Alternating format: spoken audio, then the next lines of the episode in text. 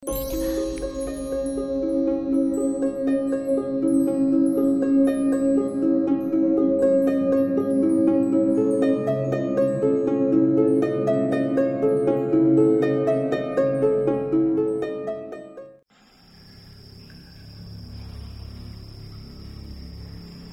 datang dan selamat malam.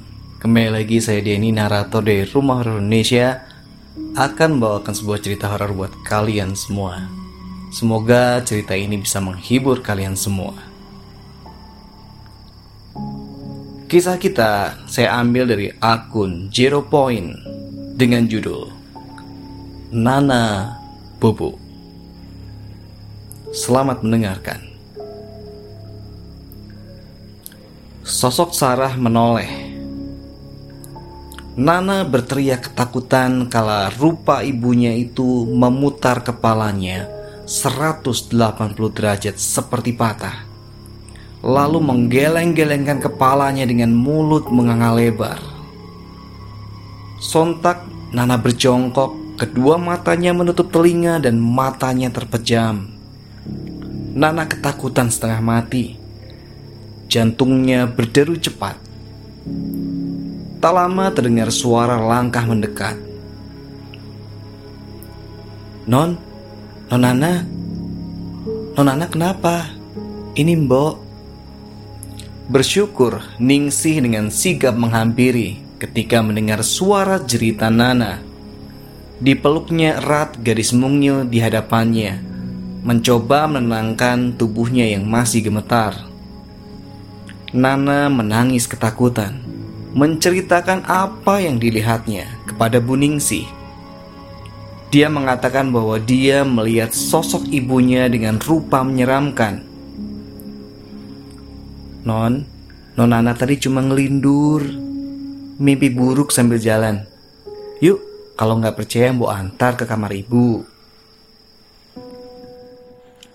Sejujurnya, perasaan getir juga merajam Ningsih malam itu.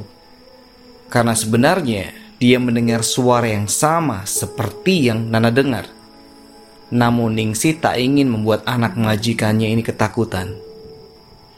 Begitu tiba di kamar Sarah, terlihat Sarah sedang tertidur di ranjangnya. Kenapa mbok? Sarah terbangun lalu segera memeluk anaknya yang nampak syok. Malam itu, Nana yang ketakutan tidak berani untuk tidur sendiri. Akhirnya dia tidur bersama Sarah malam itu. Tapi ada yang aneh, ketika tubuh Sarah basah oleh keringat. Padahal suhu di ruangan sudah sangat dingin. Ketika alam bawah sadar hendak membawa Nana ke titik lelapnya, Sarah bersenandung Lagunya itu mungkin kalian sudah akrab, yaitu lagu Nina Bobo. Cuma liriknya berbeda. Saya akan bacakan liriknya ya. Nana Bobo, oh Nana Bobo. Kalau tidak Bobo, nanti ibu mati. Nana masih dapat mendengar dengan jelas senandung lagu yang kini dilantunkan dengan lirik lengkap. Namun, Nana tidak memiliki keberanian untuk membuka mata. Pagi hari, Sarah mengeluh badannya pegal-pegal dan minta dicarikan tukang urut ke Ningsih. Bersama dengan itu, tak lama berselang, Yono datang bersama orang pintar alias dukun yang sebelumnya memang dipinta datang oleh Sarah ketika dirinya mulai merasa ada yang tidak beres. Entah mengapa orang pintar itu tercengang melihat Sarah mereka berbicara di pekarangan depan rumah. Sang penulis tidak mendapatkan informasi apa yang dibicarakan karena Nana, narasumber kala itu tetap berada di dalam rumah bersama Buningsi. Tapi yang pasti pembicaraan itu memantik emosi Sarah, kemudian mengusir sang dukun yang mana merupakan kerabat dekat Yono juga. Buktikan omongan saya petaka menghampiri ibu dan rumah ini. Semoga kalian selamat. Itu ucapan terakhir sang dukun sebelum akhirnya pergi meninggalkan rumah tersebut. Setelah itu, Sarah nampak frustrasi. Emosinya meledak-ledak. Sedangkan Yono menjadi gusar, kemudian pergi tanpa pamit. Hari-hari berikutnya, teror semakin menjadi. Ningsih melihat sosok mirip Busara bergelantungan di pohon dengan posisi kepala di bawah dan kaki di atas. Lantunan lagu Nana Bobo dengan bait yang diubah mengerikan itu selalu Nana dengar setiap malam yang membuat dirinya tak berani membuka mata. Kesehatan Sarah pun menurun. Dia terus batuk-batuk dan mengeluh sakit kepala, juga badannya yang terasa pegal-pegal kian harinya. Tatapan Ningsih kepada majikannya pun mulai berbeda. Ningsih nampak menjaga jarak dengan Sarah. Suatu malam, Sarah memergoki seorang laki-laki berpakaian mirip maling serba tertutup sedang mengelilingi rumahnya, menaburi sesuatu yang diketahui adalah tanah lembab. Namun sayang, sosok itu melarikan diri dengan sangat cepat seolah hafal betul dengan semua letak rumah ini. Kemudian hari berikutnya, peristiwa yang mengerikan terjadi lagi. Langit semakin gelap dengan bulan yang tertutup awan. Begitupun dengan sebagian besar lampu-lampu rumah sudah diredupkan. Kesunyian malam dipecahkan oleh suara gamelan dan ketukan-ketukan gendang terdengar sampai ke telinga Ningsih. Ningsih yang penasaran mengikuti arah sumber suara tersebut. Dia berupaya mempertahankan kendali beraninya. Suara gamelan dan pengiring tradisional lainnya terdengar semakin nyaring. Ningsi terus mendekat lalu mengintip ke arah ruang tengah dari sudut dapur yang dekat dengan kamarnya. Betapa terkejutnya Ningsih melihat sosok Ibu Sarah mengenakan pakaian adat tradisional dan menari meliuk-liuk sembari menembang lagu Jawa. Wajah Sarah hancur. Matanya bolong. Dia menari dengan lihai mengibaskan selendang merahnya. Perlahan sosok itu mendekati Ningsi, sembari tetap menari dengan mulut menjeringai. Ingin rasanya Ningsi berlari seribu langkah, namun untuk mengangkat satu kaki saja Ningsih tak ada daya. Tubuhnya gemetar mematung.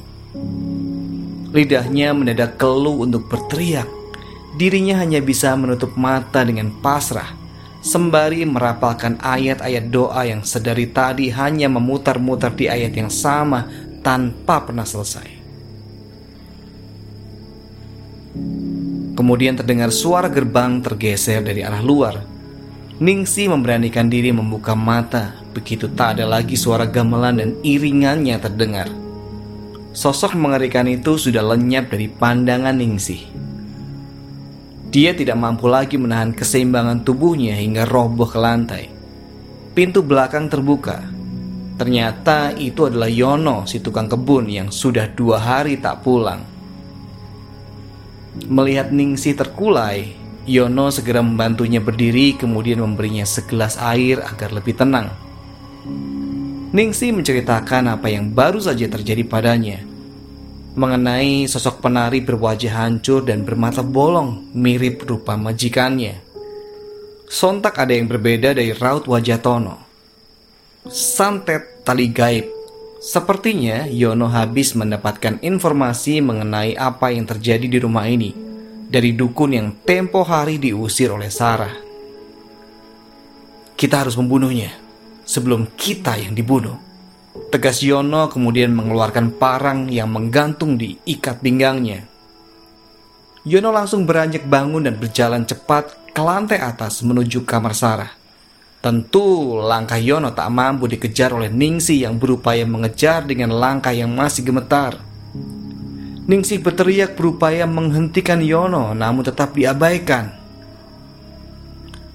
Yono, kamu mau apa? Jangan, Berhenti Yono.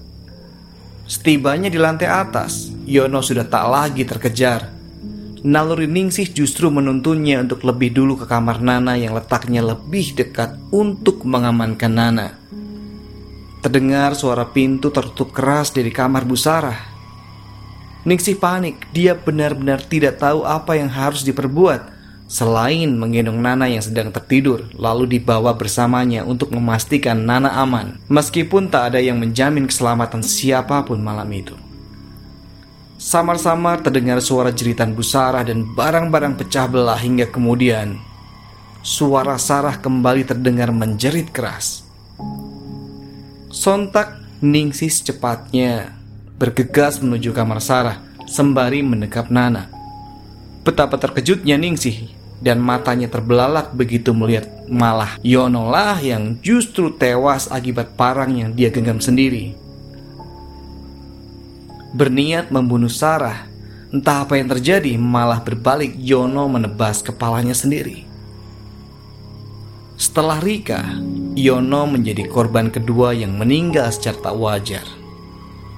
Setelah hari pemakaman Yono, semua orang tampak frustrasi, tak terkecuali Sarah yang tampak lingkaran hitam panda di kedua bola matanya. Sarah sungguh menduga-duga apa yang sebenarnya terjadi pada dirinya dan keluarganya, atau bahkan rumahnya. Ibu, maaf sebelumnya. Kalau boleh saya tahu apa yang sebenarnya terjadi malam itu sama Yono, Bu? Tanya Ningsih memberanikan diri kepada majikannya yang tengah melamun seorang diri di ruang tengah. Sejujurnya kalau itu Sarah juga sedang melamunkannya mengenai apa yang terjadi malam itu, yang mana menurutnya di luar nalar dan terjadi begitu saja. Sarah menarik nafas berat. Dia memiringkan sedikit tubuhnya untuk menghadap Ning sih. Ning, kamu tuh percaya santet itu ada atau enggak? Sarah memulai ceritanya. Mata Sarah menerawang jauh mengingat kejadian mengerikan malam itu yang sampai sekarang masih tidak bisa diterima oleh akal pikirannya. Kala itu di tengah lelapnya, Sarah terkejut ketika pintu kamarnya didobrak oleh Yono. Yono mengacungkan sebilah parang yang ia genggam. Tatapannya tajam penuh emosi. Dia tampak seperti orang yang memiliki seribu dendam dengan Sarah. Perlahan Yono berjalan mendekati Sarah dengan rahang yang mengeras. Yono, kamu mau ngapain Yono? Sarah mulai ketakutan. Seharusnya saya yang nanya, ngapain kamu ada di sini? Kamu itu siapa? Bentak Yono. Yono, jangan gila Yono. Posisi Sarah semakin mundur hingga mentok ke dipan ranjangnya. Dia mulai merasa panik dan takut hal buruk akan diperbuat Yono terhadap dirinya. Sebilah parang itu dia ayunkan ke atas kemudian diarahkan ke kepala Sarah. Beruntung, Sarah masih mampu menghindar. Yono terus mengejar Sarah berusaha menancapkan barang yang digenggamnya ke kepala Sarah. Mata Yono memerah. Dia seperti orang yang lepas kendali. Sarah berusaha menghindari Yono hingga barang pecah belah dan benda-benda di sekitarnya berjatuhan. Santet tali gaib. Kamu pikir saya nggak tahu? Kamu mengusir teman saya karena kamu takut kan? Sarah semakin tak mengerti apa yang diucapkan oleh Yono. Dia hanya teringat oleh sosok dukun yang memang dia usir beberapa hari lalu. Itu pun karena dia merasa dukun itu terlalu mengada-ada. Apa yang disampaikan oleh dukun itu sama sekali tidak dapat diterima oleh akalnya. Hingga posisi Sarah tersudut, dia tidak lagi memiliki ruang untuk menghindar. Tubuhnya gemetar ketakutan hingga roboh ke lantai. Berikutnya yang bisa Sarah lakukan hanyalah pasrah. Tapi setelah itu, dia merasakan kepalanya berat. Pandangannya berbayang lalu kemudian gelap. Beberapa saat, Sarah kehilangan kesadaran. Ketika dia bangun, matanya terbelalak begitu melihat Yono kepalanya sudah tertebas oleh sebilah parang yang dia genggam sendiri. Aku benar-benar nggak ngerti, Denny. Ada apa ini sebenarnya? Sarah menutup ceritanya dengan sebuah pertanyaan kepada Ningsih.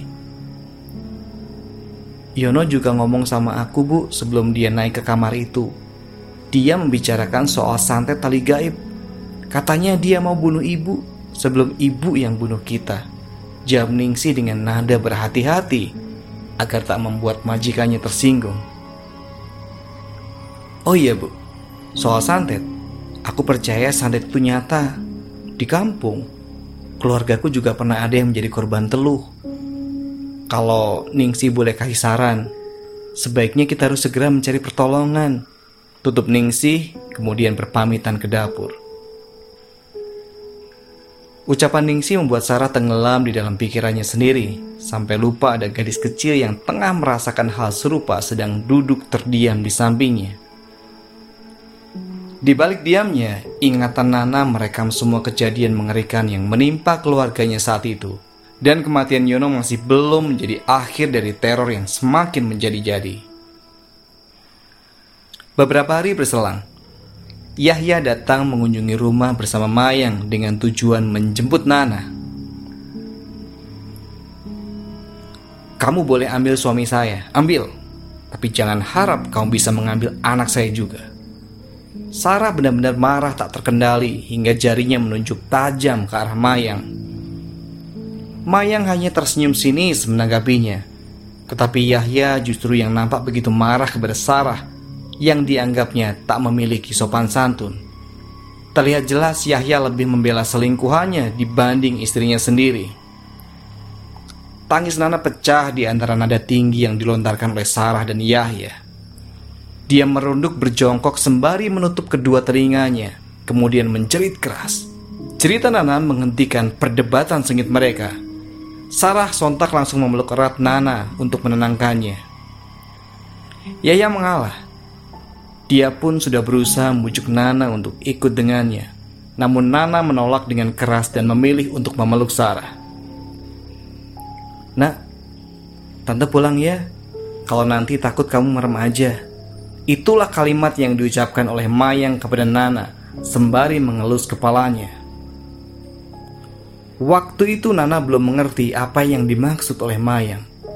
Namun ternyata ucapan itu merupakan sebuah pesan peringatan untuk hal selanjutnya yang akan menimpa keluarga mereka.